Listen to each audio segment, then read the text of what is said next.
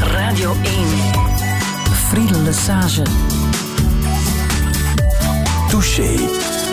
Het is nauwelijks samen te vatten wat hij op radio en tv heeft gedaan. Meer dan 60 programma's zijn het ondertussen. Zullen we een poging doen? Met de glimlach presenteren. Goedenavond, dames heren. Presentator is een vak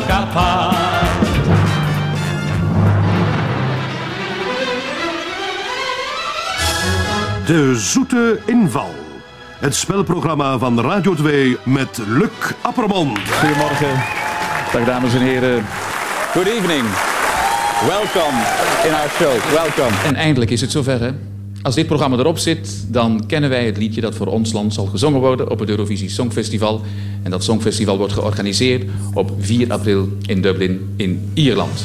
Dames en heren, Luc Appermond.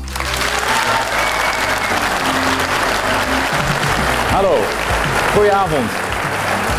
U hebt het goed gehoord, rechtstreeks verbonden met het Amerikaanse theater voor alweer een aflevering. Welkom in onze Heet Heet Hoera. Hier is Luc Hartelijk welkom in het Amerikaanse theater voor de allereerste aflevering van Showbiz Time. Gaat u er gemakkelijk bij zitten. Houd die voetjes op de grond voor uw innemende presentator Luc Appermond. Presentator is een vak apart. Altijd netjes in de kleren, een spontaan applaus forceren. Eremeester als de wereld van staat. Touché. Presenteren, het is een vak apart, hè, Luc Appermond. Goedemorgen. Goedemorgen, Friedel. 40 jaar al in het vak en niet kapot te krijgen. Ja, vreemd hè. En eh, volgende zaterdag presenteer je voor de laatste keer eh, vroeger of later. Na 22 jaar terug in dit huis van vertrouwen. Hoe was het om hier terug eh, te werken? Heel aangenaam, hè? En, een, een heel nieuwe dynamiek. Toen ik hier vertrok, ja, was alles toch nog een beetje traag. Ehm, moest je eerst, ik weet niet hoeveel directeurs eh, passeren voordat je een beslissing hoorde. Eh, want wij waren altijd de laatste die het vernamen. Maar eh, nu ik hier terugkwam, zag ik allemaal jonge mensen, meestal toch. En wat me vooral opviel, mensen op de juiste plaats. Ik heb radiojournalisten weten benoemd worden tot productieleider van een of andere dienst ontspanning waar ze, naar mijn mening, bescheiden mening, weinig of geen affiniteit mee hadden. En dat was een eer, een, een, een eh, fijne carrière, maar of dat altijd de juiste beslissing was. En daar is volledig komaf meegemaakt. Dus toen ik hier kwam, eh, heb ik een heel nieuwe dynamiek ervaren. en, en alles kon veel sneller en directer. Dus ik denk dat eh, de komst van de commerciële televisie, waar ik dan een tijdje naartoe gegaan ben, dat dat goed geweest is voor alle partijen. Ja, absoluut. Volgende zaterdag, die laatste aflevering. Gaat het een beetje pijn doen? Mm, Ja, eh, ik heb al vaak afscheid moeten nemen hè, van programma's, van ploegen. Eh, ik heb nog altijd contact met de mensen met wie ik dit programma gemaakt heb, de, de tv-makers. En eh, daar wordt gepraat over een, een vervolg, dus we zullen Ah ja? wel zien. Hè. Een tweede reeks, vroeger of Misschien, later? misschien. Het is nog iets te voorbarig, eh, denk ik. Maar eh, de cijfers zijn bijzonder goed. Eh, de reacties hoor ik toch, eh, links en rechts zijn eh, ook heel aardig. Dus eh, misschien wel. Luc Appermond, hartelijk welkom in Touché. Dank u.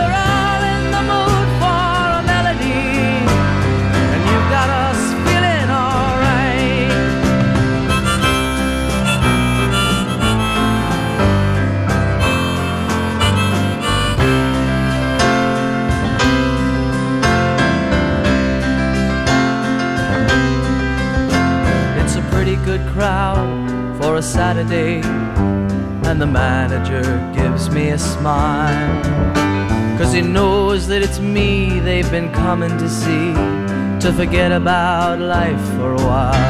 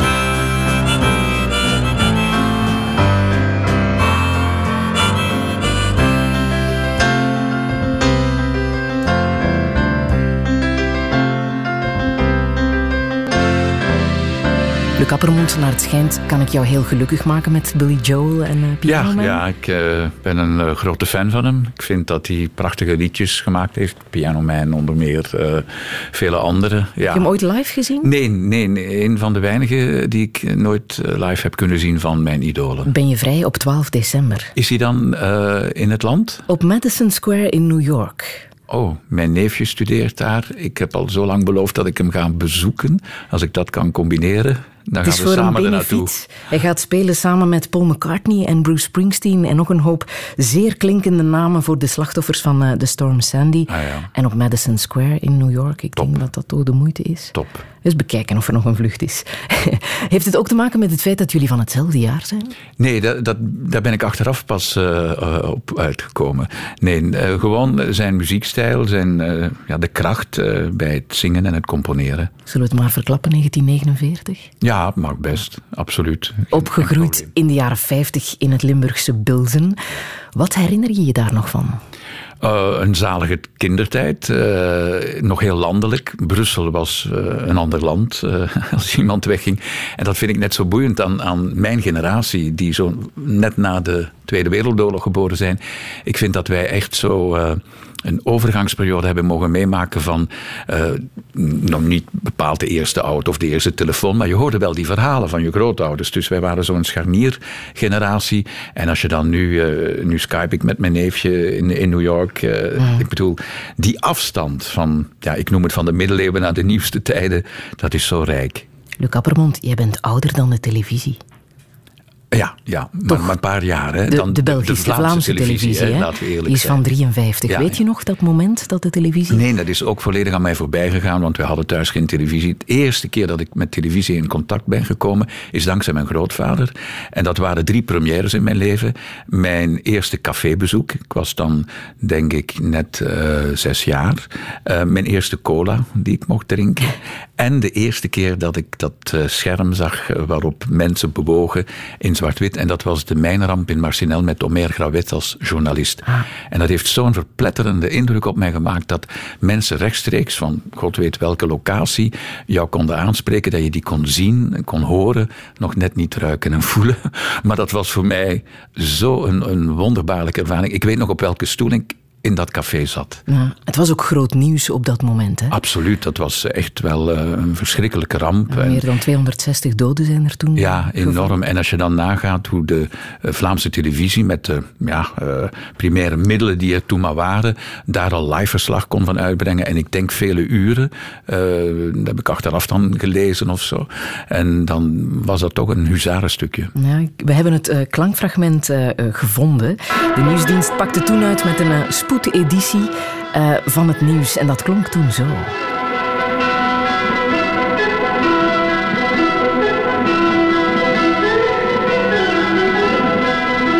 Eerst nu, kijkers, nu wij ons bevinden op de plaats van de ramp hier te Marcinelle in de kolenmijn van Bois de Casier, beseffen wij ten volle de catastrofale omvang van wat er hier aan vreselijks is gebeurd.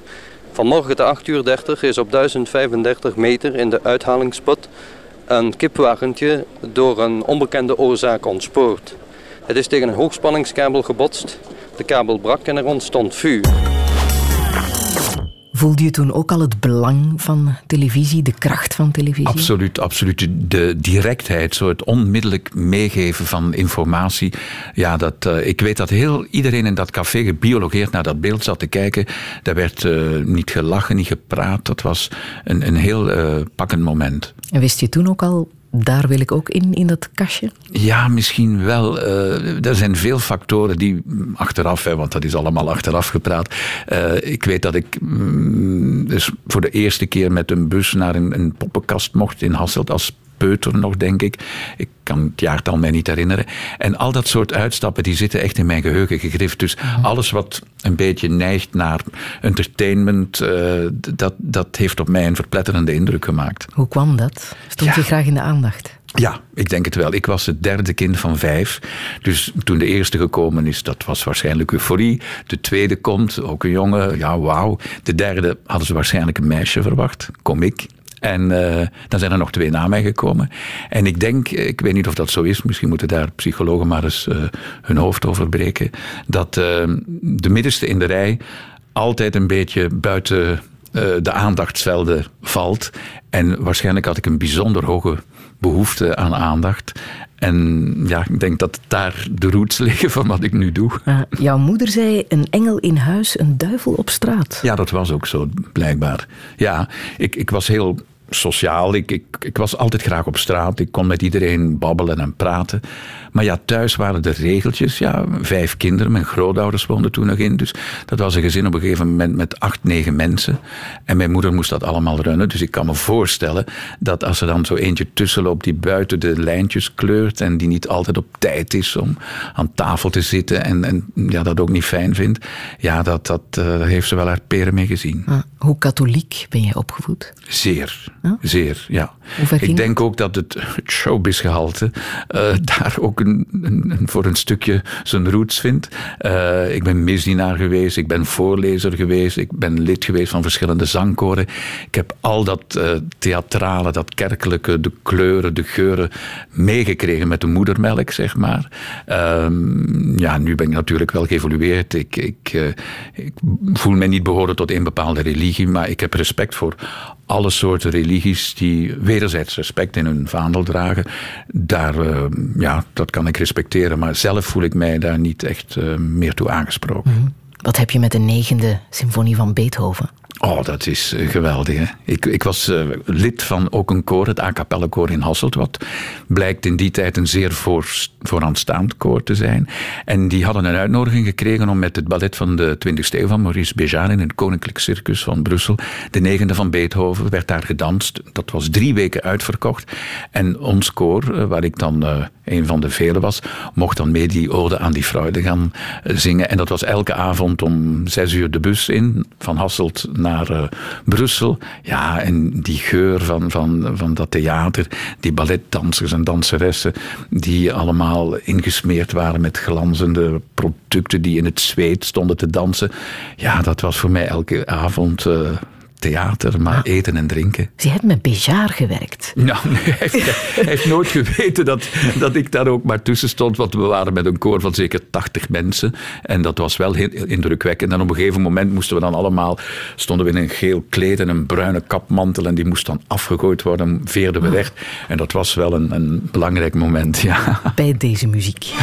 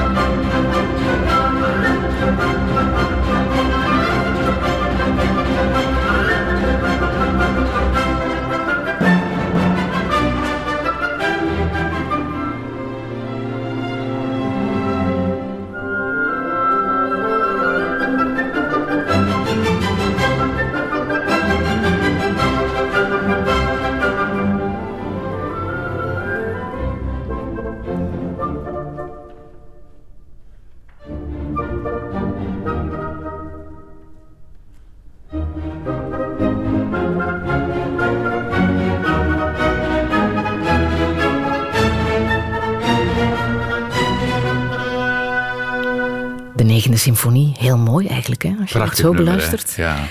Ehm, behalve um, klassieke muziek hou jij ook van uh, Ike en Tina Turner. Ja, ja. Uh, waarschijnlijk uh, weet je nog dat de voorloper van Werchter Jazz Bilze was. Hè? Ja. En ja, wij daar als jonge snotneuzen altijd overal bij. Als er in Bilze iets georganiseerd werd, dan uh, probeerde ik op de eerste rij te staan, omdat ik daar overal graag bij was.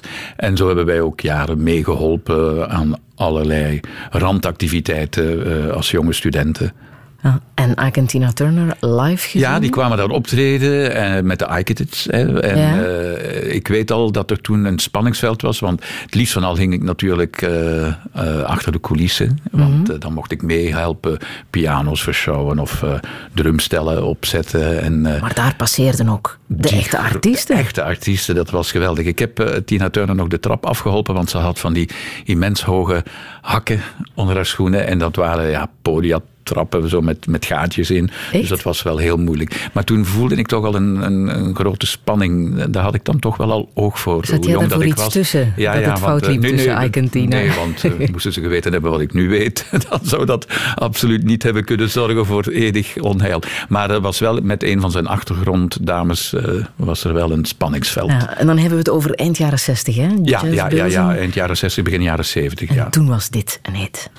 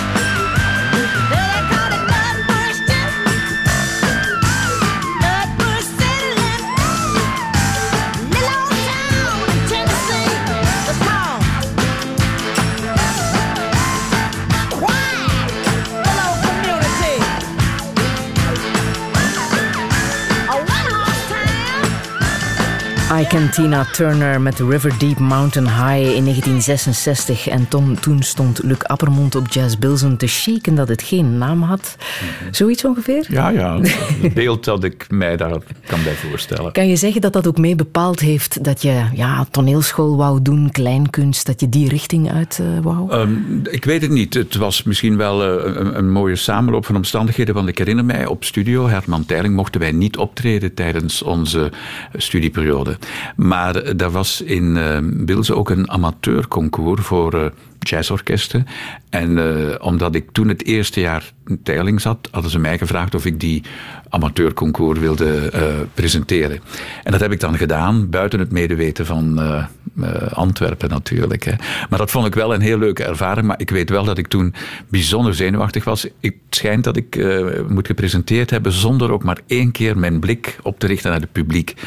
Moet zo'n angst van, zich van mij meester gemaakt hebben dat ik continu naar de tippen van mijn schoenen keek. Dus dat moet vreselijk eh, geweest zijn. Maar je wist wel dat je dat wou Maar gaan dat doen. wou ik, dat wou ik zo graag, ja, absoluut. En hoe ben je dan naar, naar Studio Armand Terling getrokken? Ik had al voordracht gevolgd in, in Hasselt aan de academie. eh, En eh, voor toneel werd ik toen afgewezen. Dus ik dacht, daar ligt zeker mijn roeping niet. En het is een geluk met een ongeluk dat ik wilde politieke en sociale wetenschappen gaan doen in Leuven met afdeling pers en communicatie als specialiteit. En op die dag, toen ik mij eh, in Leuven wilde inschrijven, las ik in de krant dat Herman Teiling ook een afdeling kleinkunst ging toevoegen aan de bestaande toneelafdeling. Heb ik de trein genomen naar Antwerpen en omdat ik de allereerste was, want dat artikel verscheen 's morgens in de krant en namiddag stond ik in de Kolvenierstraat in Antwerpen. En eh, ja, ze hebben mij dan maar aangenomen waarschijnlijk omdat ze ergens moesten beginnen. Ik was de eerste student die zich kwam aanmelden, maar eh, dan bleek ik ook nog eens een richting te kiezen die helemaal niet gepland was. Eh, presentator. Ze hadden gedacht, hier komen Miel Koolskes, Jeff Burme, Anton Petersen binnen, cabaretiers, zangers, kleinkunstenaars. En ik zei, ik wil presentator worden, want ik sprak toen nog zo met de huig Eh, en, en, en een beetje zangerig. Weet je dat daar bewijzen van zijn? Van wat je nu zegt? Nee. Je weet toch dat Jan van Rompuy toen met Echo ooit is komen filmen? Ah ja, ja, ja, ja, ja. Je moet eens luisteren.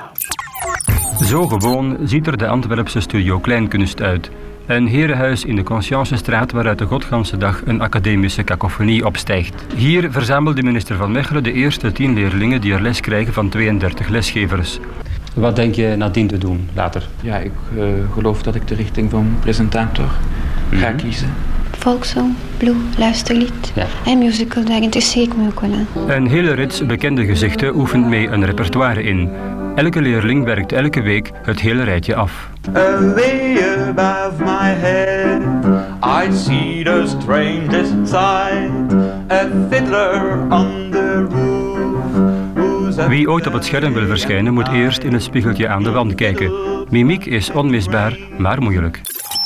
Ja, ja, de heel jonge Luc Appermond. Ja. Wat denk je als je dit terug hoort? Vreselijk hè, om daarmee geconfronteerd te worden, natuurlijk. Hè.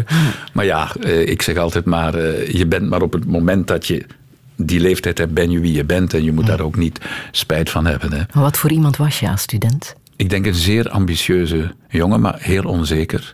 Heel onzeker. Eh, niet, mij niet realiserend dat ik ooit eh, het zou hebben kunnen bereiken wat ik wilde, namelijk televisie mogen doen. Want ik dacht, ja, ik doe die studies hier wel, maar dan, maar dan, wat moet ik gaan doen nadien? Stofzuigers eh, van deur tot deur gaan verkopen? Of ja, dat diploma. eh, Je weet niet wat dat inhield, maar gelukkig tijdens mijn laatste jaar, toen we ons eindexamen aan het voorbereiden waren, werd er hier binnenshuis uh, een, een oproep gelanceerd om ook mannelijke omroepers toe te laten op televisie. En ik dacht, ja, daar moet ik aan meedoen. Maar ook alweer, uh, de directie wou dat niet. Wij mochten niet, uh, zolang als we niet afgestudeerd waren, mochten we nergens uh, ons tonen of meedoen. Dus heb ik ook weer stiekem mij toch ingeschreven voor dat examen. En toeval wilde dat, zeg maar, toen ik mijn eindexamen deed op Teiling, de dag nadien kreeg ik bevestiging dat ik mocht beginnen als omroeper. Ah, dan hebben we het over begin jaren zeventig. Wat wist jij als, als student van de bloemetjes en de bijtjes? Oh, ik was een laadbloeier in alle opzichten. Ah? Ja. Ah. Heb je daar toch geen fragment of nee, iets van? Nee, nee, nee. nee. Oh, maar ik vraag het mij af hoe dat was in die periode. Ja, nee, ik, ik was ook zo gefocust op, op, uh, op, op dat studeren. Ik, het schijnt ook dat ik een van de weinigen was. Zo'n kleinkunstacademie. Friedel, je moet je dat voorstellen. Dat zijn toch een soort bohemiens, kunstenaars die lak hebben aan reglementen. En ik kwam daar met mijn boekentas, echt als een student, uh, s'morgens na de les. Zo heel uh, academisch. Ik, ik was echt een vreemde eend in de bijt, heel waarschijnlijk. Ook al omdat ik die richting koos. Dus ik was zo gefocust op alles wat met die studie te maken had. Ik zou en ik wou zo graag. Klopt het dat je zelfs een esthetische ingreep uh, moest ja. ondergaan? Ja, ja uh, chef Burm uh, had daar heel erg op aangedrongen. Ik had wat men noemt een overbijt. Dus dat mijn onderste tanden een heel stuk naar achter stonden. En dat maakte de tongpunt R en de zuivere S nogal heel moeilijk. En hij vond dat dat absoluut niet kon. En dan is er in samenspraak met uh, tandartsen, dokters uh, uh, overlegd om een vrijwillige kaakbeenfractuur door te voeren. En dan heb ik inderdaad een maand met gesloten mond. Zo een behoorlijk zware operatie. Ja, dat was een heel. Maar ik, ik, ik zeg het, ik had er echt alles voor over. Dat was duidelijk. Ja. Thank you. Ik wil deze nacht in de straten verdwalen. De klank van de stad mocht mijn ziel amoureus. Al heb ik je geld om plezier te betalen. Ik vind wel een vrouw heel net en genereus. Onder de glans van de manestralen werd die langs de wereld een avondelijks bed. Ga mij naar de kroegen vol vrouwen en matrozen. Vergeet we naam en al de rest. Ik wil deze nacht in de straten verdwalen. De klank van de stad mocht mijn ziel amoureus. Al heb ik je geld om plezier te betalen. Ik vind wel een vrouw een arme keus.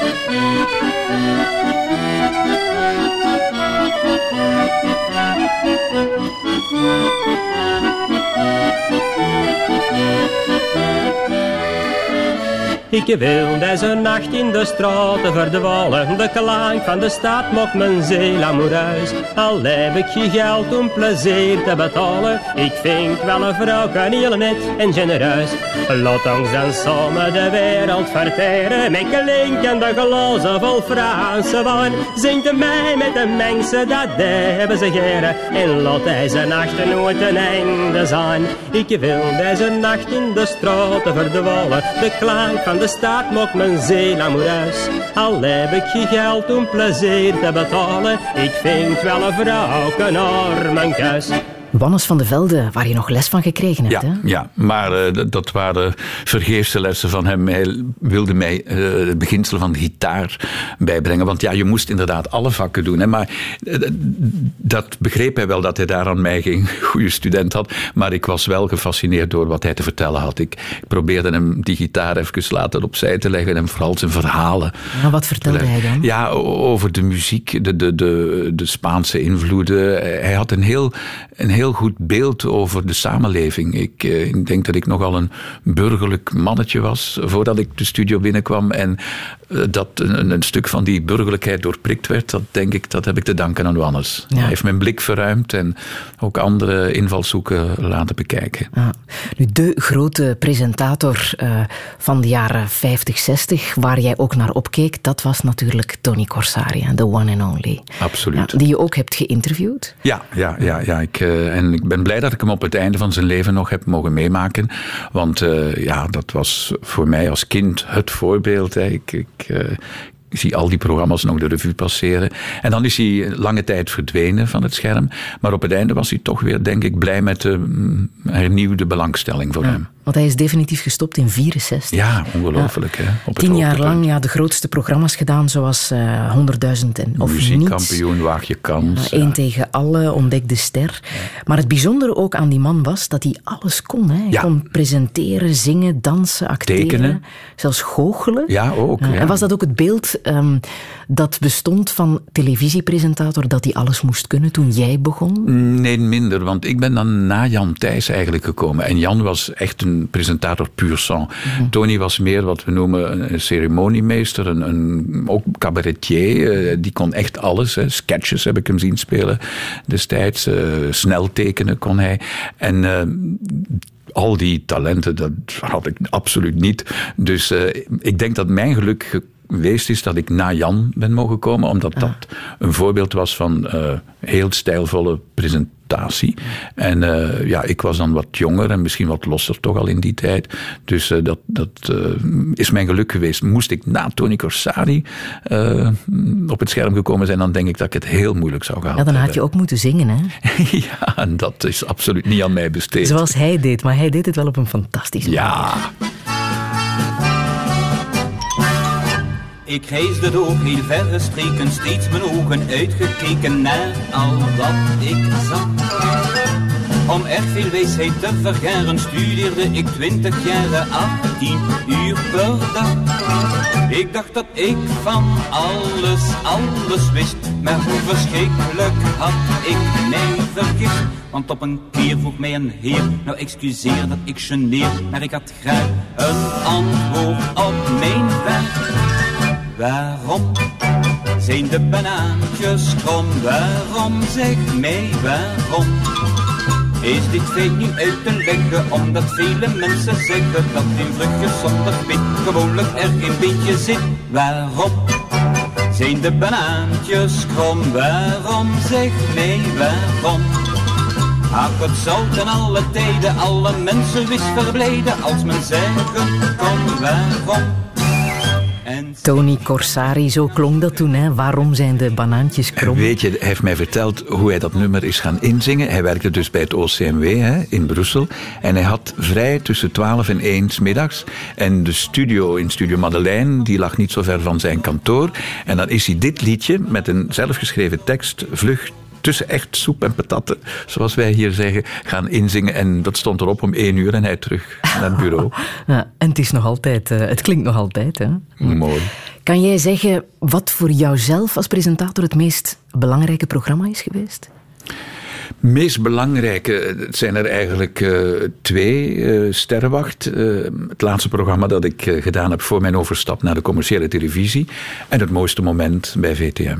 Dat zijn zo de twee programma's waar ik echt met hart en ziel aan gewerkt heb. En die mij nog heel dierbaar zijn. Waagstuk vond ik ook een heel leuke en knappe formule. Ehm, maar goed, die kan door meerdere mensen. Sterrenwacht, dat was dat programma waar verschillende mensen ontdekt zijn. Hè? Ja. Zoals Donate Riemaker, Anja Daam, Sabine de Vos. En waar ook Terry Wogan ooit eh, jurylid was. Ja, ja, hij is ooit Dat uit fragment gekomen. hebben wij teruggevonden, Oh, Luc nee. Appermond. Ja. We are very happy to have you in our show tonight. Was that the, the opening song? Was that the Belgian entry for this year's Eurovision Song Contest? No, no, for God's sake, no. uh, may I ask you to put the earphone on so you can have uh, the translation? Yes, of course. Okay. Um Mr. Wogan, uh, yesterday evening, uh, one of your guests was Mr. Mrs. John Collins. Who is uh, John Collins? Who is John Collins? No, I mean, I mean, who is that man? Uh, I mean, uh, Ja, hilarisch ik- fragment. Ja, daar wist ik eigenlijk niks Je was meer heel van. erg grappig, Luc. Ja, zonder dat ik het zelf besefte waarschijnlijk. Maar dat, dat was ook heel vreemd. Hij kreeg dus waarschijnlijk de Nederlandse vertaling in zijn hoofdtelefoon en ik leuterde maar door in het Engels, eh, wat natuurlijk eh, niet juist was. Vandaar. En toen ben je overgestapt hè? Ja. naar VTM, niet omwille van eh, Nee, nee. dit fragment Nee. natuurlijk. Maar waarom? Waarom deed je dat toen? Wel, omdat eh, hier had ik geen perspectief meer. Eh, Jan Gijzen was daar heel open en eerlijk in. En ik was veertig en die zei... Ja, Luc, eh, we kunnen je nog een, een programma bieden... maar we hebben niks concreet op dit moment. En ik dacht, ja, maar jongens, ik moet het nu toch wel even gaan weten. Dan komt daar toch zoiets als verantwoordelijkheid, eh, eh, besef. En eh, ja, Mike en Guido hadden twee concrete voorstellen... om die overstap te doen. Dat was namelijk Waagstuk, waar ik daar net aan refereerde. En een, een eigen talkshow. Niet dat ik daar mij al klaar voor voelde, maar ik dacht, ja, dat is toch wel een geweldige opportuniteit. En, eh, maar voor mij viel dat heel moeilijk. Ik ben nogal een, een, een trouw iemand, dus ik kon me niet voorstellen dat ik dit huis hier moest verlaten. En eh, dat viel me nogal zwaar. Maar goed, Mike heeft mij overtuigd om het eh, te doen, want hij zei, die mensen met wie je zo graag samenwerkt, die kun je ook buiten de werksfeer blijven ontmoeten. En dat is ook gebleken. Over die periode bij VTM zei je, ehm, mijn ego werd veel kleiner. Ja, ja. ik denk dat daarmee? iedereen, ja, ik denk dat iedereen die op een podium gaat staan nogal een uitvergroot ego heeft. Hè. En eh, ja, gelukkig mm, heb ik door levenslessen en veel te lezen en ook te luisteren eh, begrepen dat het daar niet om gaat. Ik bedoel, ik, ik vind eh, de dienstbaarheid veel belangrijker dan, dan het ego pleasen, om het zo maar te zeggen. Dus ik heb dat proberen af te bouwen, dat als ik iets doe, dat het dan ja, voor alle partijen eigenlijk eh, zinvol en nuttig moet zijn. En niet alleen maar om mijn ego te strelen. Luc Appermond, wat denk je als ik dit nog eens laat horen? Wacht hoor, hier komt het. De Antwerpse gouverneur van de Pinkpoets. Hij schreef onder meer de bundels Het Uur Mara en Mijn Tegenstem. Je hebt er meteen 10.000 uitgekozen. Wie was Pernat? Ja, een waagstuk fragment dat me tot het einde van mijn dagen zal blijven achtervolgen. En weet je wat het grappige is? Wij zaten daar toch met een hele redactie. Ik geloof Karel Antires was toen hoofd van de redactie. eh, producers, eh, regisseur. Niemand heeft dat opgemerkt. Maar eh, je, je mag niet vergeten, ik, moet er nu zelf mee lachen natuurlijk, hè, eh, Pink Poets. Maar ehm, wij namen soms tot zeven programma's op één dag op. En ik kan je verzekeren, dat moet je maar eens aan Ben Krabbe vragen. Ik denk dat hij vijf blokken inblikt op één dag.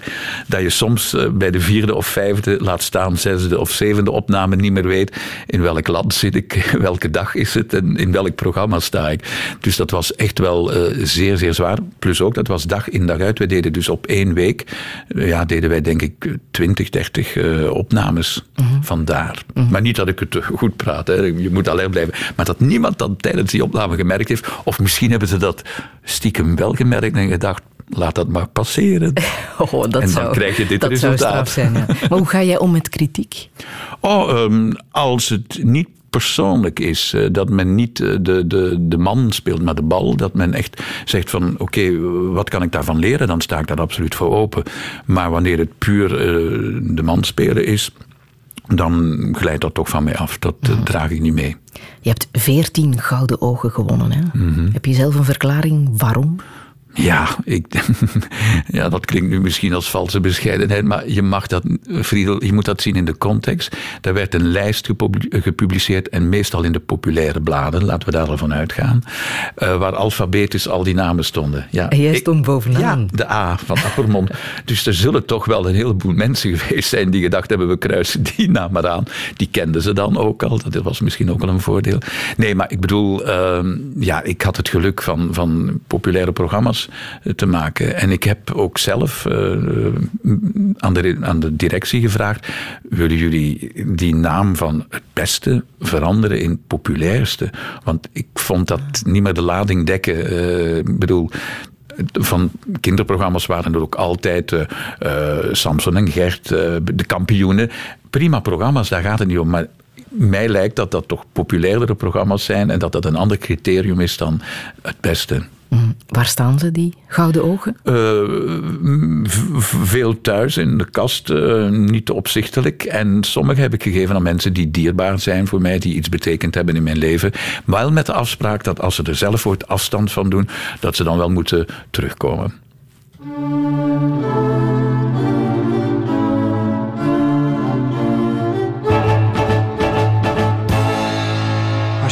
Denkt aan de pijn en het leed die jouw vrienden jou deden. Die gisteren nog zeiden alles voor je te doen. Of je denkt aan de woorden van haat die je nog dient te vergeten. Dan heb je geen zin verder te doen. Dan krijg je de lust om terug in je schelp te kruipen. Om alleen te gaan leven en je voeten te vegen aan de rest. En dan zweer je voortaan voor niemand je wil nog te buigen. Je maakt je eigen wereld, je eigen nest. Maar denk niet, ik ga mijn eigen gang. Denk niet, ik ga het veranderen.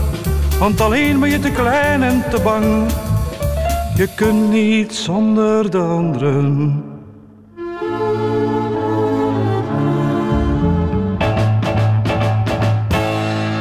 Maar als je op straat even rondloopt en je kijkt naar al die koude gezichten. Waarop je ziet wat de een voor de ander over heeft.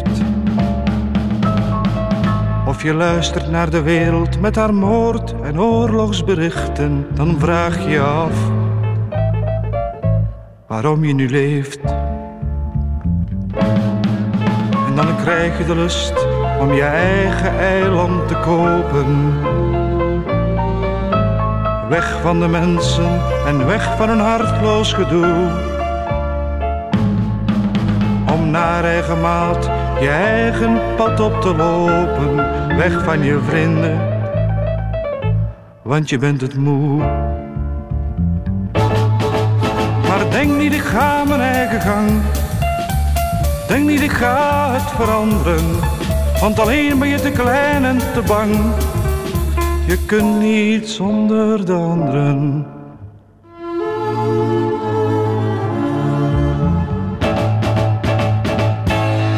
Maar dan zie je misschien toevallig een paar fijne dingen.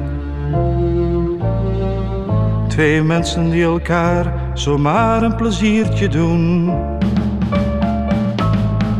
Of twee anderen die gewoon proberen elkaar te beminnen. En dan krijg je weer zin verder te doen. En dan krijg je de lust om terug uit je hokje te kruipen. Omdat je alleen geen haat, maar ook geen vriendschap verkrijgt. En dan zweer je voortaan voor iedereen je wilt te gaan buigen om de mensen te geven wat je van hen niet krijgt. Maar denk niet, ik ga mijn eigen gang. Denk nooit, ik ga het veranderen. Want alleen ben je te klein en te bang. Je kunt niet zonder de anderen.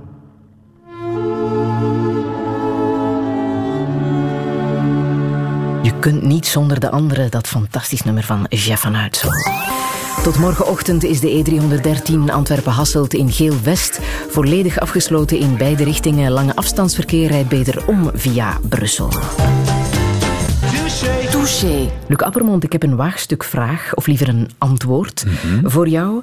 De auteur van het gedicht Spijt. Ik geef misschien een tip met een klankfragment. Ik zal hem even laten horen, de dichter zelf.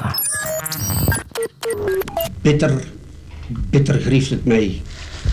Maar de jaren zijn verstreken en de kansen zijn verkeken. Tuurlijk. Alleen al met de titel eh, zou ik het wel geweten Een hebben. stuk vlees zat er nog aan.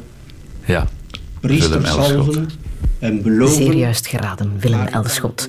Met het gedicht Spijt. Je bent een grote kenner van Willem Elschot. Een kenner noem ik me niet, maar een bewonderaar en een, een, een veellezer. Ik denk dat ik al zijn werken gelezen heb. Ik vind het een fascinerende schrijver. En de bondigheid. Ik denk dat wij presentatoren daar nog heel veel kunnen van leren. Ik vond het altijd heel mooi dat hij zei: als er twee nuances zijn, is er altijd één de beste. En mochten ze alle twee even goed zijn, dan kies je voor de kortste. En ik dacht, dat moet ik in mijn oren knopen, want wij durven nogal eens uitweiden. En ik denk dat eh, de bondigheid, eh, het in zo weinig mogelijk woorden zeggen wat je te zeggen hebt, eh, dat is een kunst. En hij verstond die als de beste. Hoe heb je Elschot leren kennen? Gewoon door te lezen. Ik, ik las graag en, en veel. En ja, die stijl sprak mij onmiddellijk aan. En als je dan achteraf ziet wat er allemaal verfilmd is van hem. eh, ja, dat, dat is... Ik vind het een genie. Hmm. Behalve literatuur lees je ook ander soorten boeken, hè? zoals bijvoorbeeld Wayne Dyer. Is iemand waar je eh, heel veel van gelezen hebt, de Amerikaanse schrijver en psychotherapeut. Weet je nog hoe je die man hebt ontdekt? Ja, eh, eigenlijk begint het met een, zekere Dale Carnegie. Maar toen was ik echt eh 12 jaar, 11 jaar. En ik lag toen, wat we in het begin van het gesprek hebben aangehaald, zo een beetje. Ik voelde mijn buitenbeentje, ik hoorde nergens bij. En dat, eh, ja, dat vrat aan mij. En ik moest een, een manier zoeken om daaruit te geraken. En ik vond dat heel toevallig, maar eigenlijk is er niks toevallig in het leven, vind ik. eh, kwam ik dat boek onder ogen van hoe je moest omgaan met mensen. Eh, nu heb je duizenden van die boeken, maar toen was dat vrij nieuw. En zeker Want die Dale Carnegie, dat was de man die zo bekend was omwille van zijn cursussen Ja, zelfverbetering. voilà, voilà. Maar ik was nu nog maar 11, 12 jaar. Ik denk dat ik nog moest beginnen te puberen. En toch had ik al de, de, de neiging en, en voelde ik de noodzaak van... ik moet iets doen om hier uit te geraken. Eh, hoe, hoe kan ik mij sociaal verbinden? Verbeteren in de omgang met mensen. En ja, dat, dat, dat boek heb ik geanalyseerd, op steekkaarten geschreven. En toen is er echt zo'n een kentering in mijn leven gekomen.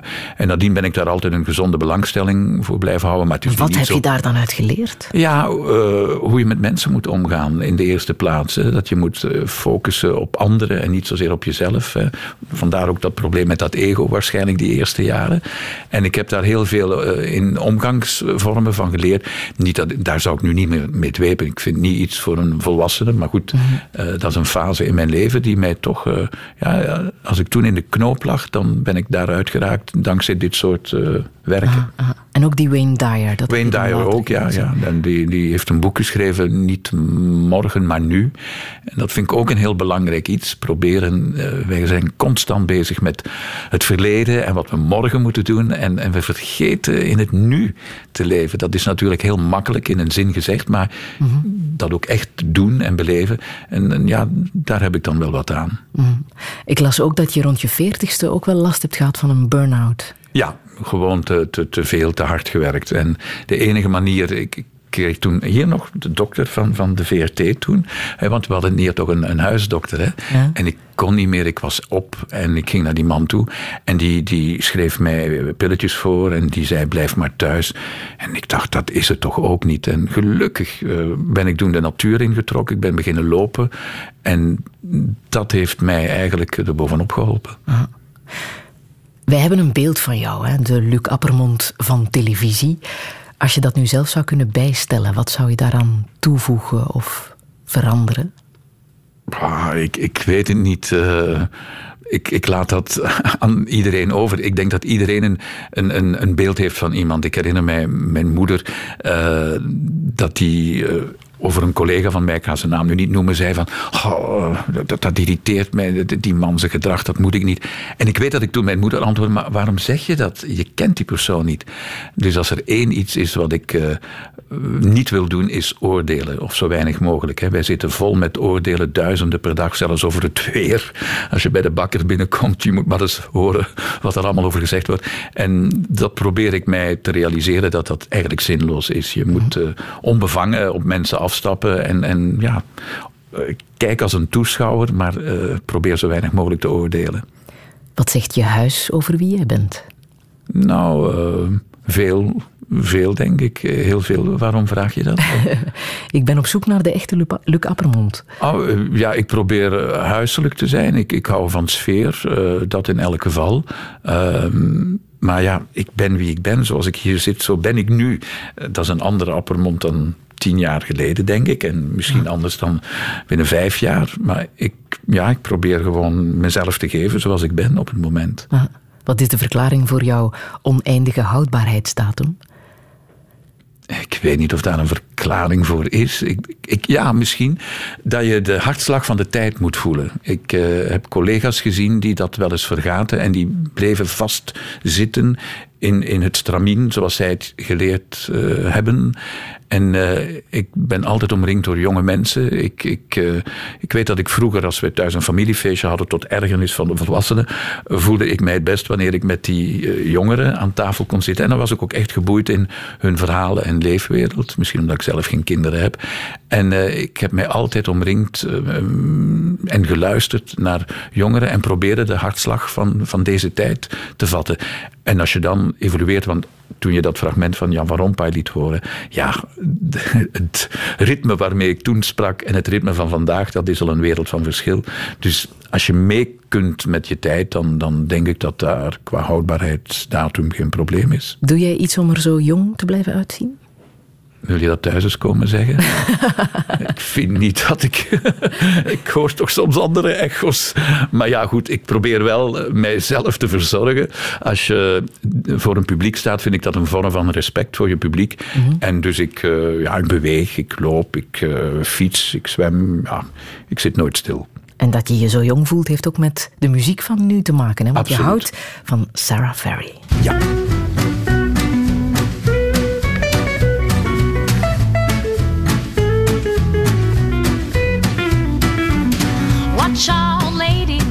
Watch out, lady. There is a man outside your door. Watch Watch out, lady, watch out, lady. There is a man outside your door. His silhouette has the craggy line of a former athlete. But these are the shoulders that carry the weight of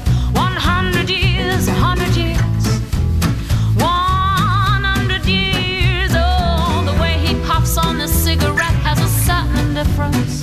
The way he looks through his wrinkled eyes. Oh, his soul had been stretched too many times,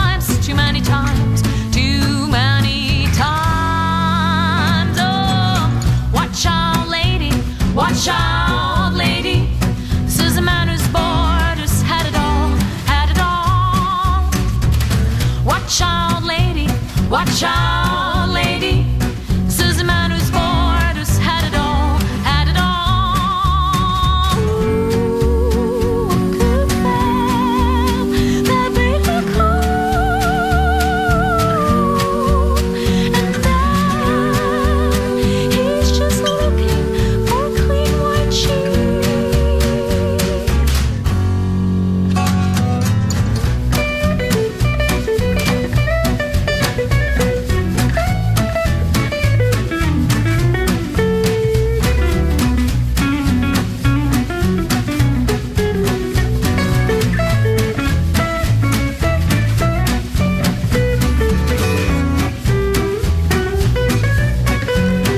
Sarah Ferry and the Man Who Was Bored. Radio 1. Friedel Lesage. Touché. We hadden het al over het Bilze van de jaren 50, over zijn 40-jarige tv-carrière, over Wannes van de Velde, Willem Elschot en de boeken van Dale Carnegie en Wayne Dyer. En er komt zometeen nog veel meer uit de kast. Mijn gast vandaag is Luc Appermond. Een zeer goede middag. Welkom in Touché.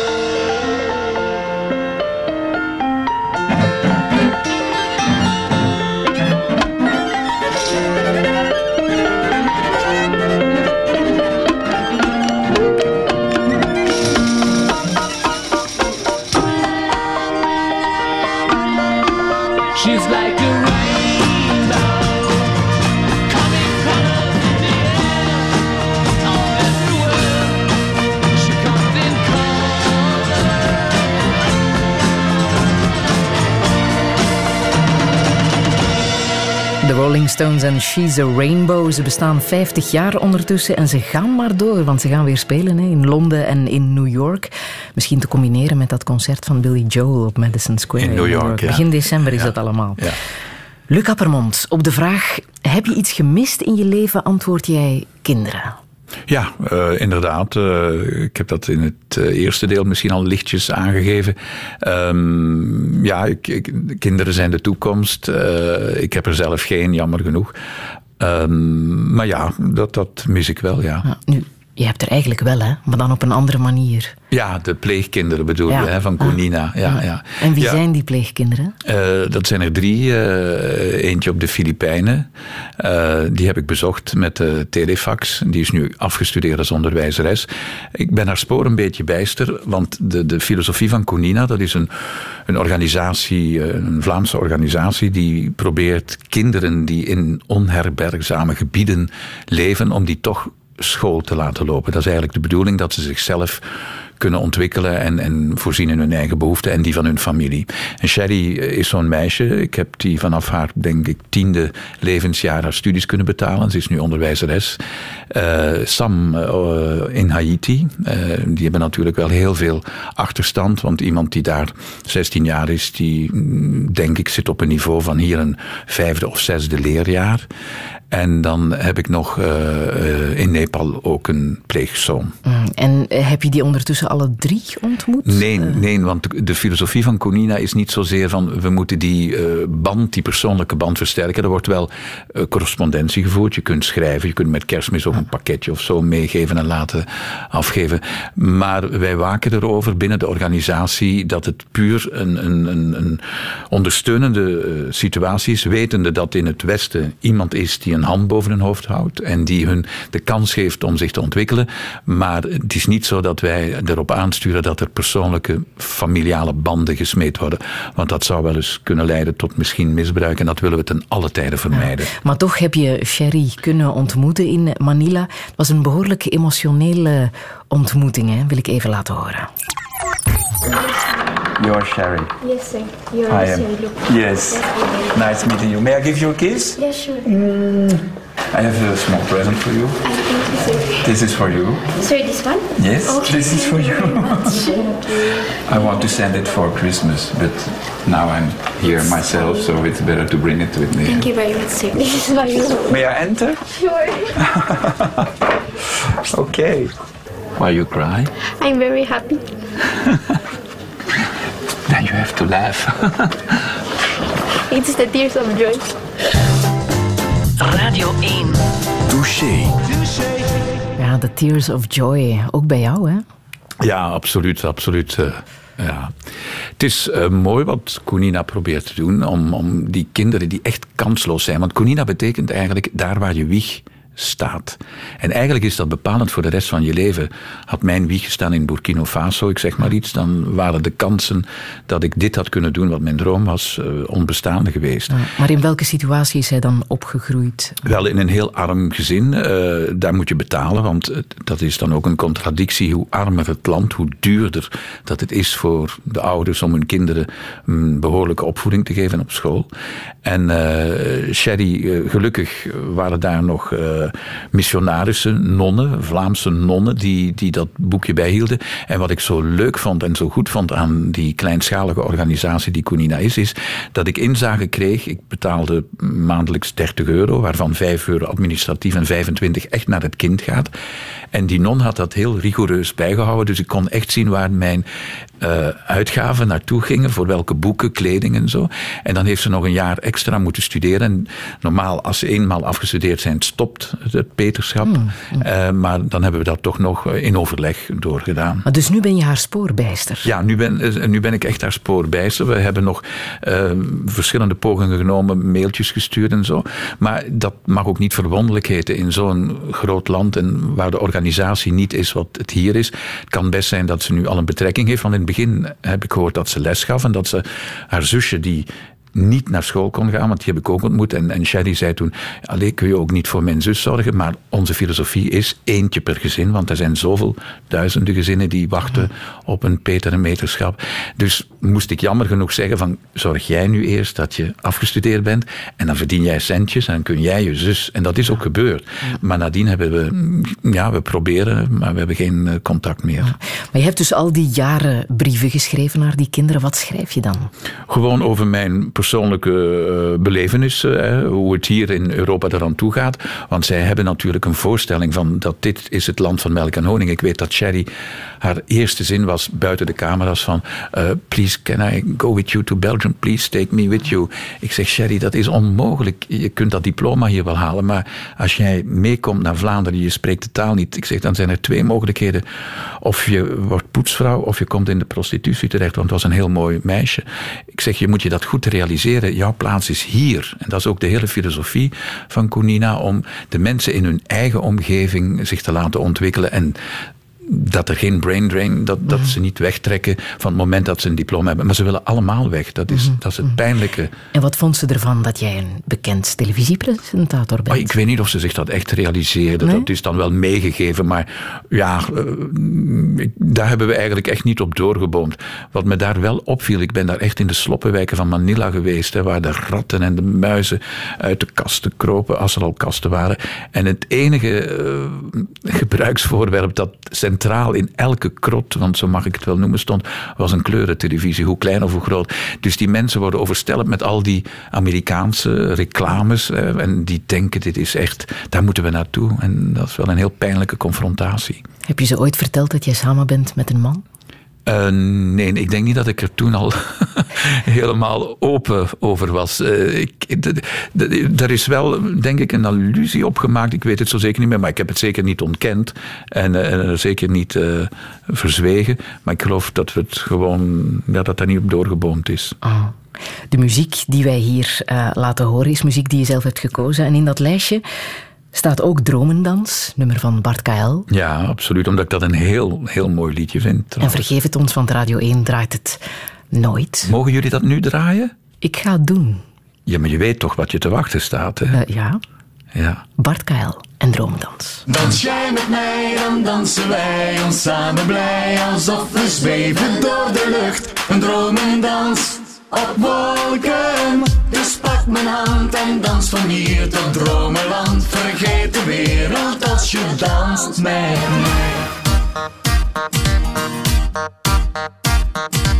Soms zit het even tegen, geen zonneschijn maar regen. Soms heb je van die dagen, iedereen heeft iets te klagen. Ga dan niet zitten treuren en laat iets moois gebeuren. De wereld kan zo mooi zijn, elke dag heeft nieuwe kansen.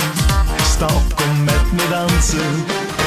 Dans jij met mij, dan dansen wij ons samen blij Alsof we zweven door de lucht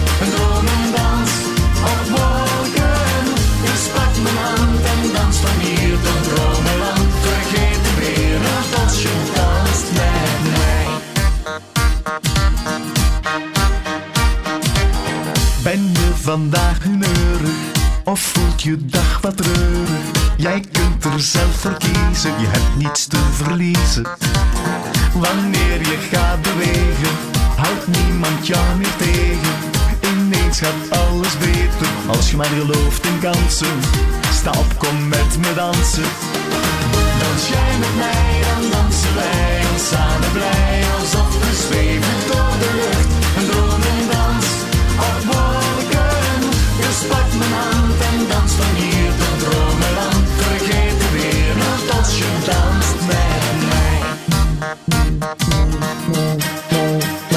mij. Dans, dans, voel je diep in mij. En de reden dat ben jij.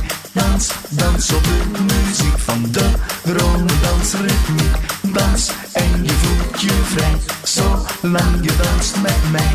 Dans samen met z'n twee. Kom op en dans met me mee. Dans jij met mij, dan dansen wij ons samen blij Alsof we zweven door de lucht Een dromendans op wolken Dus pak mijn hand en dans van hier tot dromenland Vergeet de wereld als je danst met mij Dans jij met mij, dan dansen wij ons samen blij Zweef en door de lucht en dromen dans op morgen.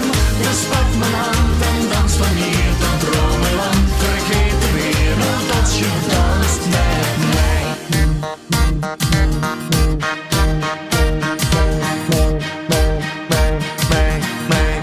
Dromen van Bart K. Op radio 1. Luc Appermond, dat valt goed mee, hè? Ja, ik vind het een heel eh, mooi liedje.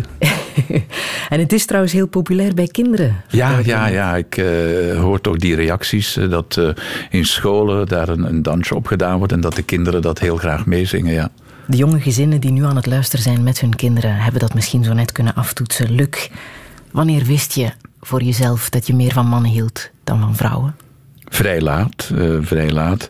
Het merkwaardige is, Bart had ter gelegenheid van mijn 50ste verjaardag een eh, verrassingsfeestje georganiseerd. En hij had eh, kennissen, vrienden uitgenodigd. En toen ik die ruimte binnenkwam, moest ik zo lachen. De ene kant van de tafel waren al mijn vrienden, die ik al jaren ken. Waren allemaal hetero's, allemaal koppels. En aan de andere kant zaten allemaal de homo's. en dat was zo'n mooie mix. Ja, dat was echt een verbroedering samen. En dat is eigenlijk het duidelijkste beeld wat ik kan geven. Voor Bart was dat geen issue. Voor mij blijkbaar wel. Dat heeft ook te maken met opvoeding en ook met verdringen en zo. Maar ik heb ook relaties gehad met meisjes tot op vrij hoge leeftijd. En ook echt overtuigd eh, dat ik dat wou. Maar ja, aan de andere kant zal er toch altijd iets hebben blijven knagen. En wanneer ik dan een definitieve stap moest zetten om die relatie. eh, verder te laten evolueren, dan hield er iets mij tegen. En ik kon dat heel moeilijk benoemen. Kun je geloven dat ik zelfs op, op Herman Teiling daar nog niet uit was? Mhm. En hoe, hoe bedoel je dan? Wat hield jou dan? Om, omdat ik voelde dat dat niet eerlijk zou geweest zijn, 100% ten opzichte van de partner. Dus als je, hè, en ik wou nooit eh, die comedie spelen of, of eh, vrouwen en kinderen hebben gewoon. Maar van één kant zou het best gekund hebben, denk ik. Maar van de andere kant, ja, ik denk dat dat voor iedereen ook apart en verschillend is. Hè. Je kunt geen twee mensen op dezelfde manier benaderen.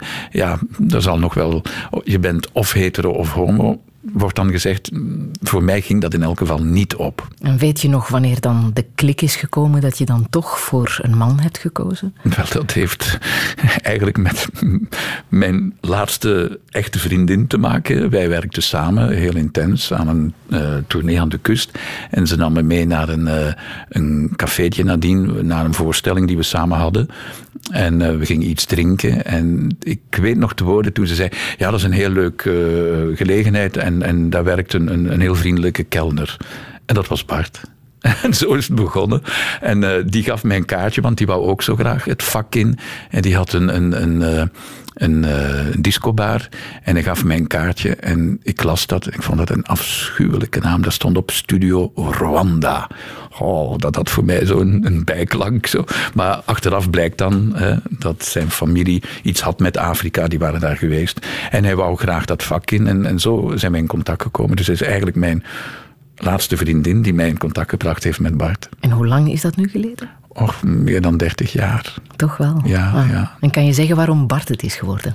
Ja, gewoon dat klikte. eh, dat, dat, eh, het klikte gewoon, ja. Ik kan het niet anders zeggen.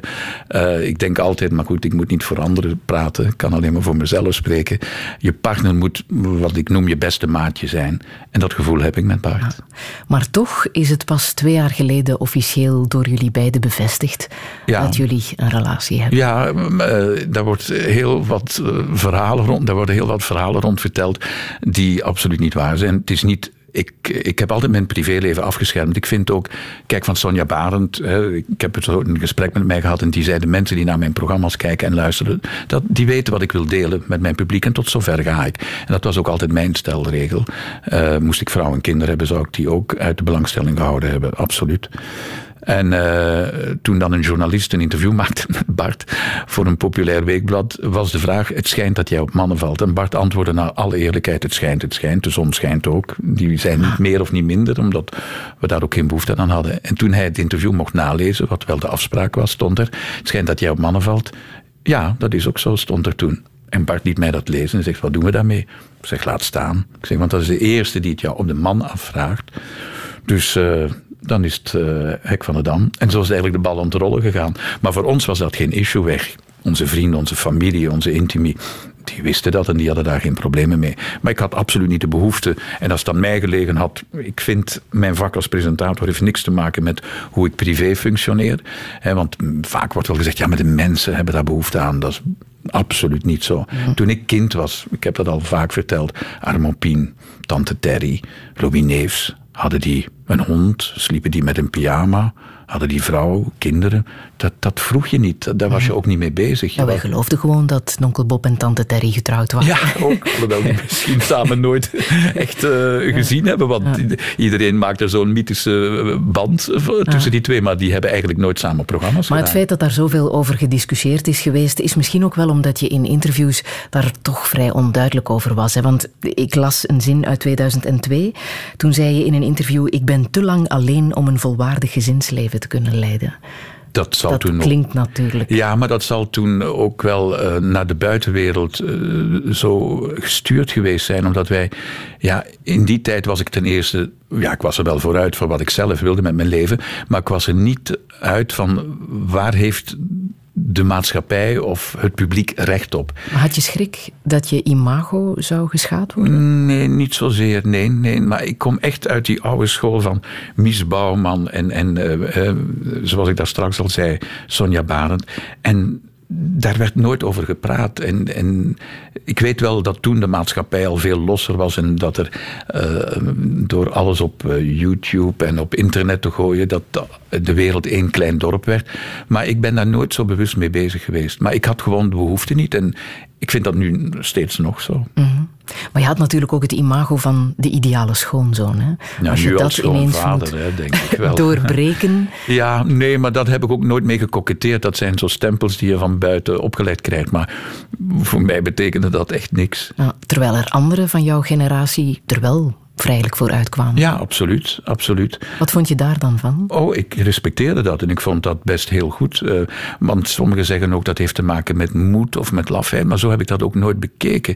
Ik vind iemand die op een barricade daarvoor wil staan, dat is zeer verdienstelijk. Maar ik voel dat niet, ik ben dat niet. Eh, Jouw vrienden en familie zijn er wel al die tijd heel discreet mee omgegaan. Ja, en ik denk dat dat voor hen veel moeilijker was dan voor mij. Want aan mij heeft nooit iemand op de man af die vraag gesteld of mij daarmee geconfronteerd. Maar ik kan me voorstellen, ze zijn daar altijd ook naar mij toe heel discreet over geweest, dat zij wel best als ze ergens café waren of zeg, eh, die Nappermond, eh hoe zit dat? Allee, en dat die dan de lippen stijf op elkaar hielden. Gewoon uit respect eh, voor de discretie. Ja. Ja, ik denk dat zij het veel moeilijker gehad hebben dan ik. Heb je echt nooit iets gedaan om jullie relatie geheim te houden?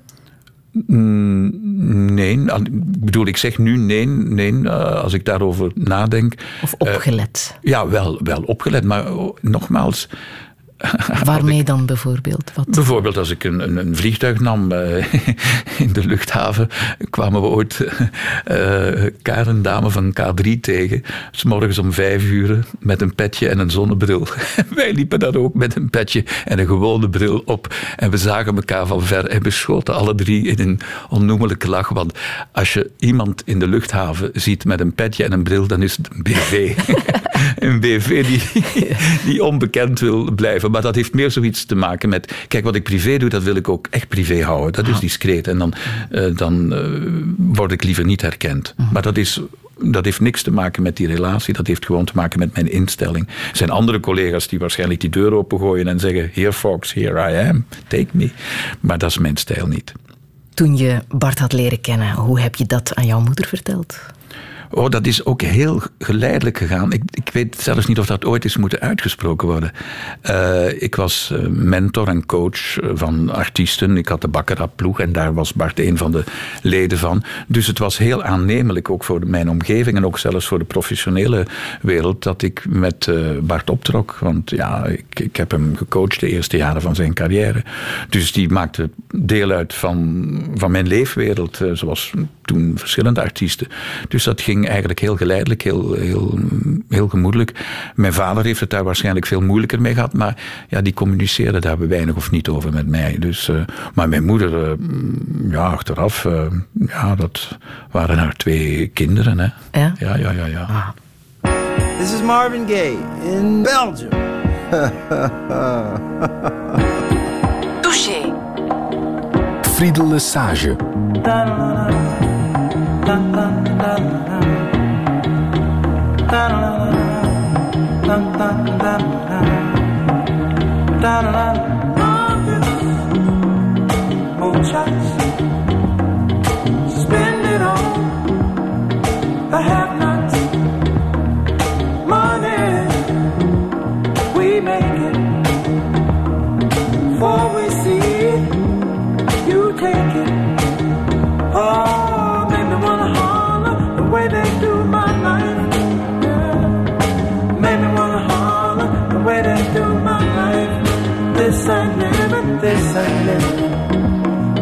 No, no, baby.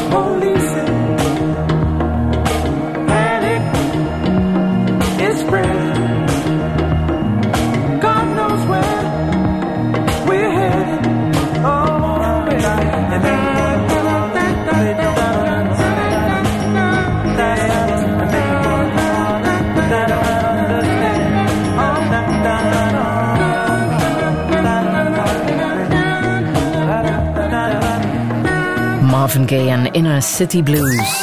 Tot morgenochtend is de E313 Antwerpen-Hasselt in Geel-West volledig afgesloten in beide richtingen.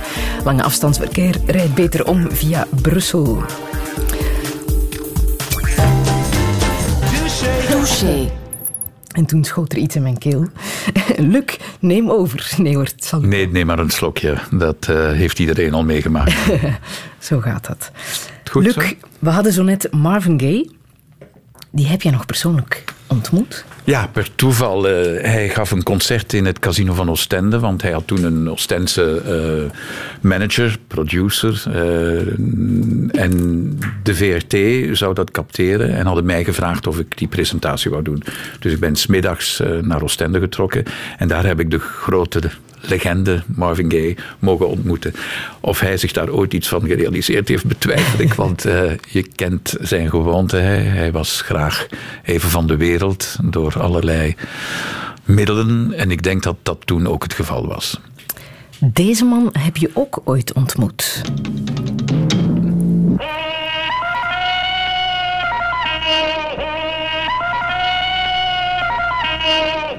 Johnny Weissmuller. Ja, heel vreemd. Kijk, het- Tarzan? ja, Tarzan. De eerste Tarzan, de echte. Hè. Ja, dat is het leuke aan mijn vak, dat ik zoveel verscheidene mensen heb mogen ontmoeten. En ik was eh, voor een drie, viertal weken in Las Vegas, want ik wou het echte Vegas eens van binnenuit leren kennen. En ik eh, had daar het geluk van Tony Sandler en zijn vrouw te kennen. Die traden op in de Thunderbird, in, in een eh, casino elke avond. Tony Sandler was een Vlaming, hè? Een Vlaming die met een Amerika Amerikaan, had Ralph. Young, en die had het, en nu nog trouwens, die zingt nog altijd. En ehm, dankzij zijn vrouw, Mimi, eh, kon ik bij al die artiesten binnenkomen. En dat was voor mij een wereld die openging. En we hadden een afspraak gemaakt, ik zou Johnny Weissmuller dus goeiedag gaan zeggen. En zijn vrouw, dat was een Duitse, deed de deur open, privé. En ik hoorde achter in de gang een kreet, zoals je hem nu net liet horen. Een echte Tarzan-kreet. Ik denk dat Johnny daarop geprogrammeerd eh, stond. En eh, ja, dat was eh, ongelooflijk. En is het echt de mooiste borstkas ter wereld? Geloof je dat ik daar niet op gelet heb? Nee. Nee, dat meen ik. Meen ik. Ze zal toch goed bedekt geweest zijn, want ik heb er geen oog eh, voor gehad. Jij was eigenlijk een Olympisch zwemkampioen. Ja, ja, hij was een bijzonder goed zwemmer. Hij heeft verschillende medailles gehaald. hè. Maar dus in die tijd kon je nog gewoon aanbellen en zeggen: om- Hallo, ja. ik ben Luc Ja, je moest wel geïntroduceerd zijn. eh, zijn hè. Ik heb met Liberace eh, gedineerd, privé aan tafel. Ah, ja? ik, ik heb, ja, wat ik daar in Vegas op die korte tijd allemaal gezien en ontmoet heb, dat wil je niet weten. Jawel. Ja, ik bedoel, alle grote der aarde. En Margaret, eh, Paul Anka, Dean Martin, eh, Sammy Davis. God, eh, en ja, dank, kijk, als je tot dat klikje behoorde waar Tony Sandler bij was, dan kreeg je vrije toegang tot al die mensen. We hadden altijd de beste plaatsen. En tijdens de voorstellingen konden we mooi binnenlopen in de loges en een babbeltje slaan. Ja. Maar toch, het zijn allemaal maar mensen. Hè? Absoluut. Hoe beroemd ze ook zijn. En de meest bijzondere persoon in jouw leven is denk ik nog altijd jouw moeder. Ja, toch wel, ja. ja. Hoe oud is ze ondertussen? Eh, bij Leven en Welzijn eh, eind eh, januari, februari wordt ze 97. En hoe gaat het ermee? Ze is eh, zwaar dementerend, maar ze wordt heel goed verzorgd en goed opgevangen. En daar is zo'n status quo in haar toestand, wat mij heel erg verbaast. Want eh, ik heb één troost, want men zegt vaak dat dat erfelijk is. Hè, dus ik weet wat mij te wachten staat. Maar eh, het geluk bij een ongeluk is het feit dat mijn beide ouders wat men noemt ouderdomsdementie hebben gekregen. Dus op hoge leeftijd. Mijn vader was in de 80, mijn moeder ging naar de 90 toen wij pas de eerste verschijnselen zagen van dementie. Ja. Mhm. En hoe is dat precies aan het licht gekomen? Weet je? Wel gewoon door de verkeerde deur te nemen wanneer je naar de hol moet en de andere richting uitlopen. Eh, of of eh, in het midden van de nacht opstaan. Ja, zo heel merkwaardige trekjes. Eh, ik herinner me dat van mijn grootvader langs moeders zijde. Dat op een klaarlichte dag hij in zijn beste pak eh, klaar stond met een koffer, een lege koffer. Hij ging weg. Hij woonde bij ons thuis in. En ik was kind toen nog. En ik vond dat dan een heel merkwaardig iets. Dat is dan met de mantel der liefde opgevangen en voor ons weggeduwd. Maar achteraf heb ik mij gerealiseerd, ja, dat, dat moet ook eh, die vreselijke ziekte geweest zijn. Je ziet natuurlijk een soort persoonsverandering. Hè? Dat- Absoluut. Bij jouw vader, wat voor iemand was dat? Wel, hij was een, een, een zeer uitbundig man, eh, heel hulpvaardig, heel ondernemend. En op den duur werd dat echt een kastplantje. Die zat en die kroop in zijn eigen wereld. Ja, die sluiten zich op in hun, in hun eigen leefwereld. Ja. Het is een heel andere ervaring als bij mijn moeder. Mijn moeder praat onsamenhangende zinnen. Maar mm, ja, ze eet goed, ze slaapt goed. Ik heb toch het idee dat ze toch nog eh, geniet van aanrakingen, van eh, verzorging. Dat, dat ze dat toch weet te appreciëren. Daarom vind ik het ook zo moeilijk in, in het geval van dementie dat wij eh, daar beslissingen voor andere mensen durven of kunnen innemen. Hè? Want sommigen zeggen, wat, eh, wat betekent dat leven nog? Ja. Zolang als wij niet in die hersenen kunnen kijken, vind ik dat dat leven best nog zinvol kan zijn als er de nodige verzorging kan aangegeven worden. In het geval van jouw moeder, waaraan merk je dat dan? Dat dat leven toch nog Omdat als ik zinvol binnenkom, dat haar ogen dan schitteren. Dat, eh, eh, dat ze geniet van eten, drinken. Ehm, soms is er een contact, soms ook weer niet. Maar ik vind ook, je mag nooit van je eigen persoonlijkheid uitgaan als je met zo'n mensen praat. Ik kom binnen, ik zeg gewoon, ik ben leuk. En ik zeg zelfs niet meer erbij, ik ben uw zoon. Want zelfs dat weet ik niet of, of ze dat begrijpt. Mhm. Je hebt er heel veel over gelezen, hè? om eh, te weten te komen wat er precies in haar eh, Ja, ik, omgaat. ik heb gelezen dat in Scandinavië men al iets verder staat met de behandeling. Het is natuurlijk een heel onbekend iets en genezing is veraf. Maar eh, het belangrijkste lijkt mij voor die mensen is één, dat je nooit vragen stelt, dat je alleen maar antwoorden geeft en bevestigingen. Twee, dat je zorgt voor een aangename sfeer. Muziek, vooral muziek uit hun kinderjaren, is ontzettend belangrijk, heb ik ervaren. En waarom? Wat, wat doet dat precies? Ja, ik denk dat, dat dat toch nog in hun achterhoofd herinneringen naar boven haalt eh, waar ze iets aan hebben. Ehm, dus nooit vragen stellen en aanrakingen. In, in Scandinavië zijn heel veel snoezelruimtes ingericht waar die mensen echt worden gepamperd en gemasseerd. Eh, eh, daar hebben ze heel veel aan. Ah, en merk je dat ook? Ja, ja, ja. Als ik haar masseer of ik kan haar haren, oeh, dan, Ja. ja, dan leeft ze op. Ja. Absoluut. Maar toch, het raakt jou wel, hè? Ja, ja, ja. Je voelt ze wegglijden. Ja. Ah. Mis je het, het echte contact?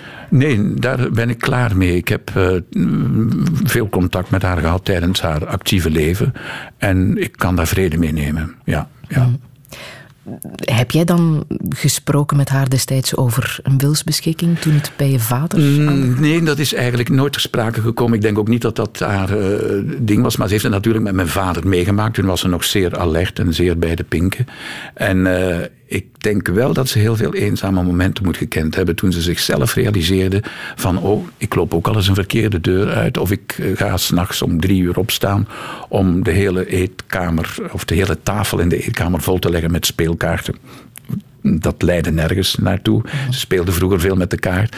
Dus ze zal wel met zichzelf geconfronteerd zijn en gedacht hebben: oei, dat herken ik en eh, nu staat het mij ook te wachten. Ik denk dat dat voor mensen die met dementie geconfronteerd worden het moeilijkste is. Hoe sta jij daar tegenover, tegenover een wilsbeschikking? Zeker in dit geval. Ja, ik vind het zo moeilijk. Hè. Ik vind het zo moeilijk.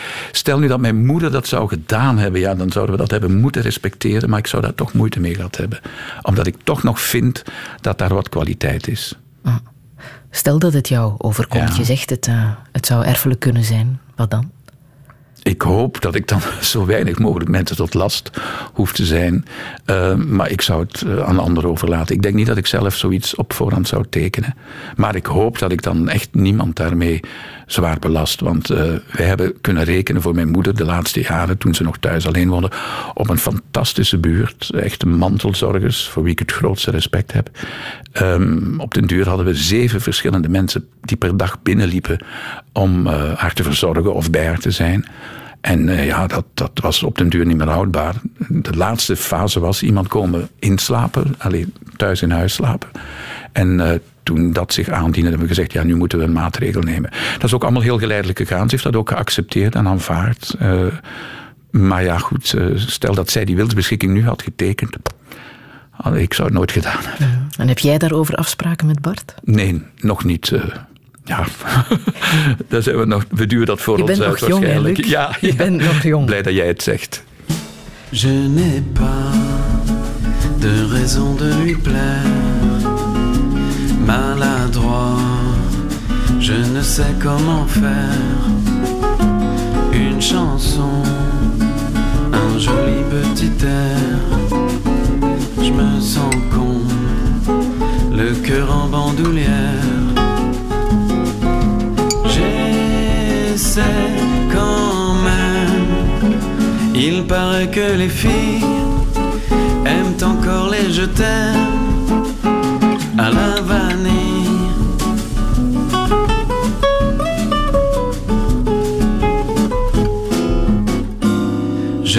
suis, du regard je la perds, et je reste caché derrière mon verre. Je n'ai pas le pas de Fred Astaire, mes jeux de mots n'arrangent pas mes affaires. J'essaie qu'une question de temps. Elle verra que je l'attends. Oui, mais quand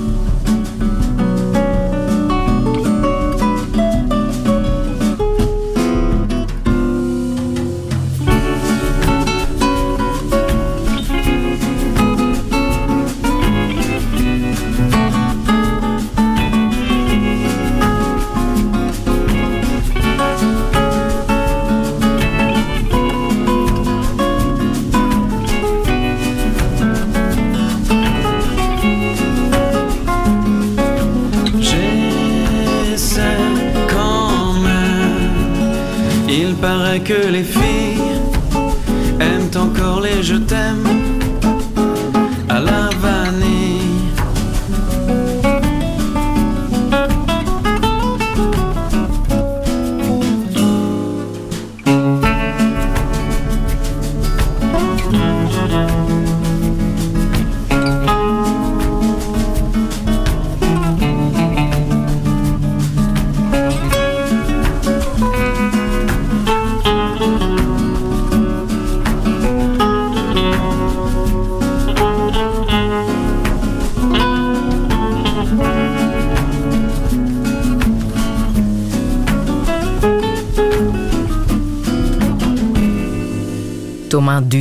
met la vanille, de zoon van François Hardy en Jacques Dutronc, inderdaad.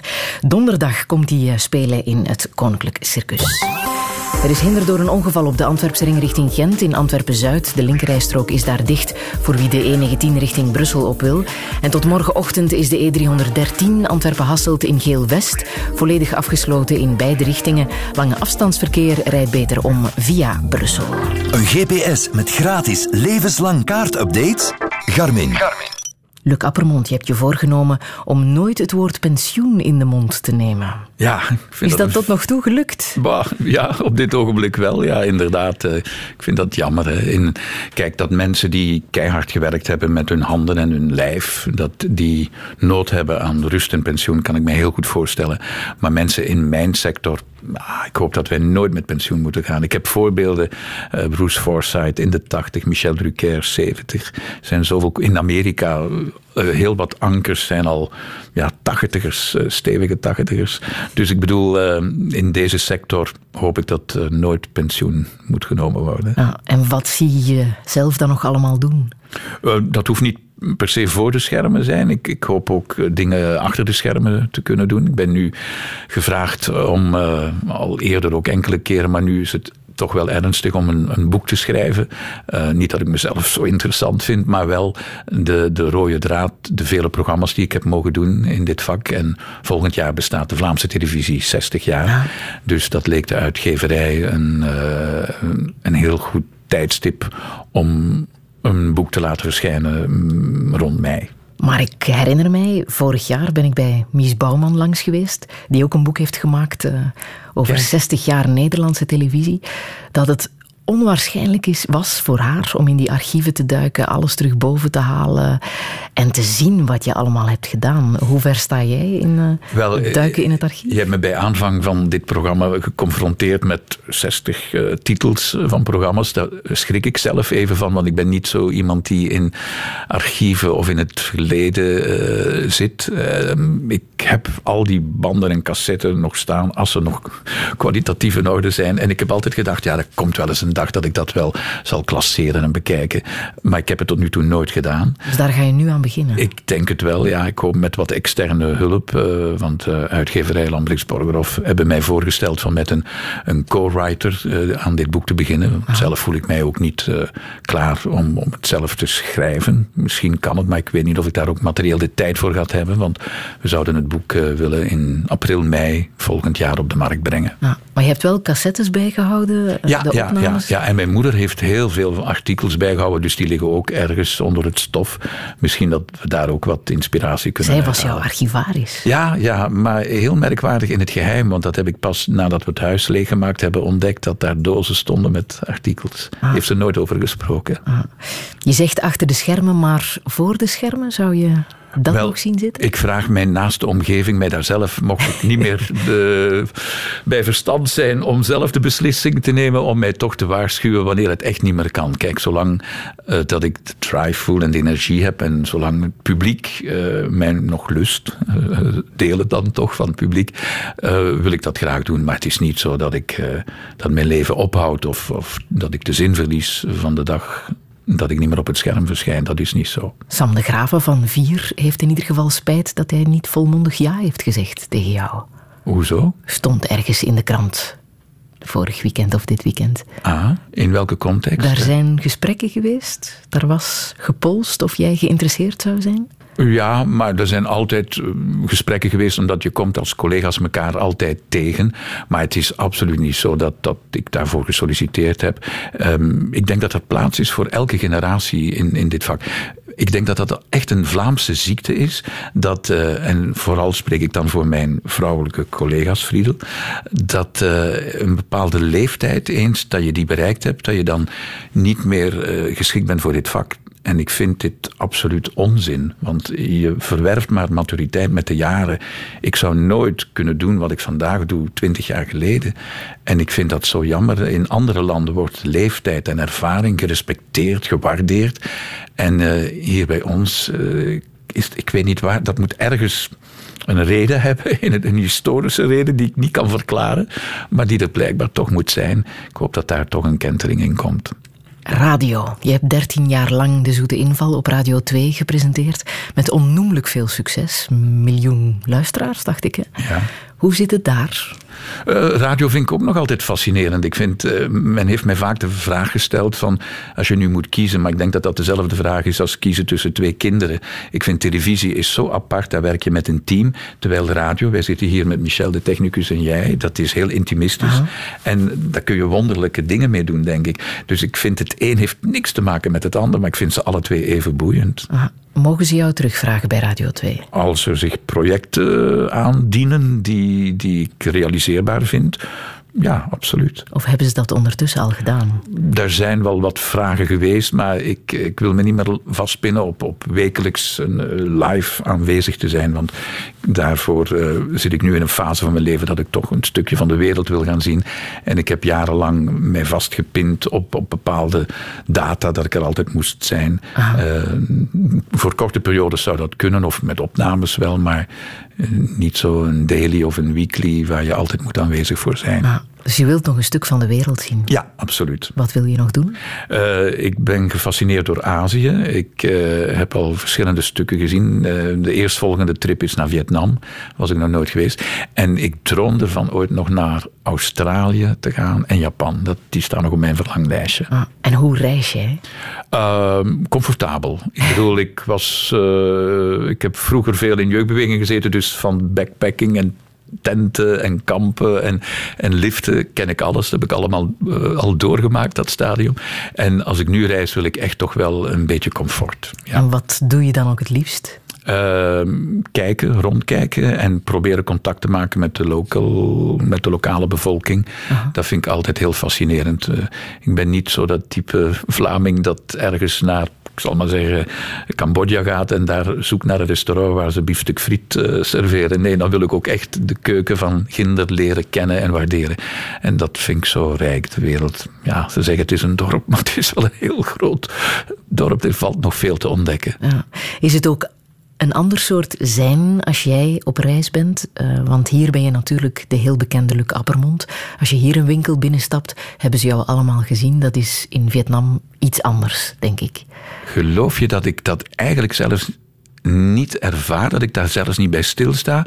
En dat is ook zo. En ik moet niet naar Vietnam, ik moet maar naar Luik gaan. Als er geen Vlamingen zijn, dat is maar 30 kilometer van mijn deur. En daar eh, kent niemand mij. En eh, nee, ik, ik vind dat ik kan mij heel snel aanpassen. Ik ben heel erg vlug vertrouwd met het feit dat ik eh, Mr. Nobody ben in een andere omgeving. Daar heb ik absoluut geen moeite mee. Nee, die klik die, die gebeurt automatisch. Ik sta daar niet van bij stil. Ah, maar heb je er hier nooit last van? Nee, ik vind Vlamingen zijn op dat gebied zo discreet en zo beleefd. Dat is, ja, ik hoor dat van Hollandse collega's en vrienden dat dat daar heel anders is. Maar nee, tuurlijk moet je, kijk, als, als studentencarnaval in Leuven is, dan moet ik niet in de Bondgenotenlaan op de eerste rij gaan staan tijdens het carnaval. Ja, dan vraag je om de tomaten en de slingers en de confetti. Dus je moet wel een beetje weten waar je komt en waar je gaat. Maar doorgaans is een Vlaming zeer eh, beleefd en, en vriendelijk, vind ik. Welke boodschap zou jij nog de wereld willen insturen? Nou, eh, een boodschap die ik voor mezelf eh, probeer te realiseren, dat is oordeel nooit. Mhm. Niet Omdat oordelen. dat te veel wordt gedaan. Ja, ja, ook omdat het ook zinloos is. Ik bedoel, eh, oordelen, je moet eens nadenken hoe vaak duizenden oordelen hebben wij per dag over mensen, dingen, plaatsen. En eigenlijk doet er dat niet toe, toch? Je kunt alleen vaststellen wat je ziet, maar daar onmiddellijk een oordeel aan eh, vastknopen, dat vind ik dan minder zinvol. Dus ik probeer mij, ik zeg niet dat het lukt, hè, maar ik probeer mij daar wel eh, van te overtuigen. Ah. En ook het positieve Ja, absoluut. Ik, ik mm, wend mijn hoofd af van alles wat negativiteit is. Ik laat dat quasi niet toe. Als ik al die beelden zie nu weer van de Gaza in Israël, van Syrië, dan denk ik, god, eh, al die trash die op ons afkomt. Mocht je er daadwerkelijk iets kunnen aan doen, dan, dan het is niet dat ik absoluut niet betrokken ben eh, bij hetgeen wat er gebeurt in de wereld, maar het is zo zinloos. Ik begrijp niet dat we nu in deze tijd dat daar oorlogen worden gevoerd. Dat, allee, ik, ik snap dat niet. Ik, ik snap het niet. Mm. Maar het zijn wel beelden die je bekijkt en die jou raken. Die, die, mij, die passeren en die mij absoluut raken. Maar ik, eh, ik eh, kan me daar niet in wentelen en ik ga me daar niet in verdiepen, omdat ik ook machteloos ben. Het roept echt een gevoel van machteloosheid op, ja. Luc Appermond, ik wil jou ongelooflijk bedanken voor dit heel fijne gesprek.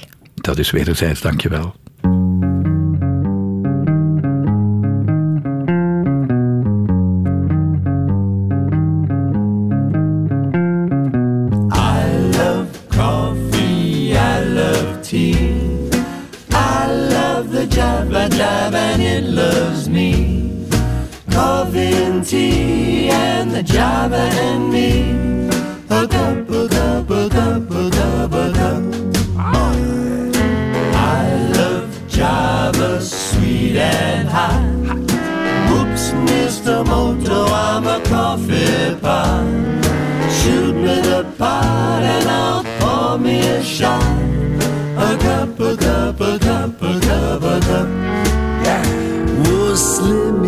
slug from that wonderful mug, and I cut a rug till I'm snug in a jug. A sliced up onion and a raw one.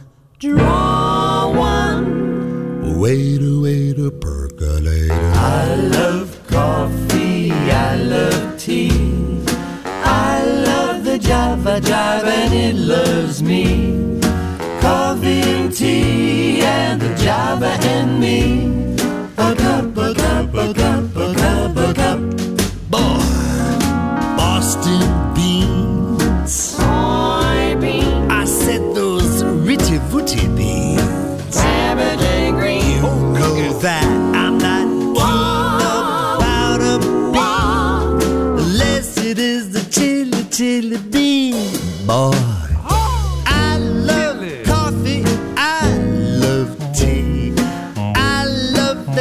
Java Jive and it loves me. Java. Coffee and the tea and the Java and me.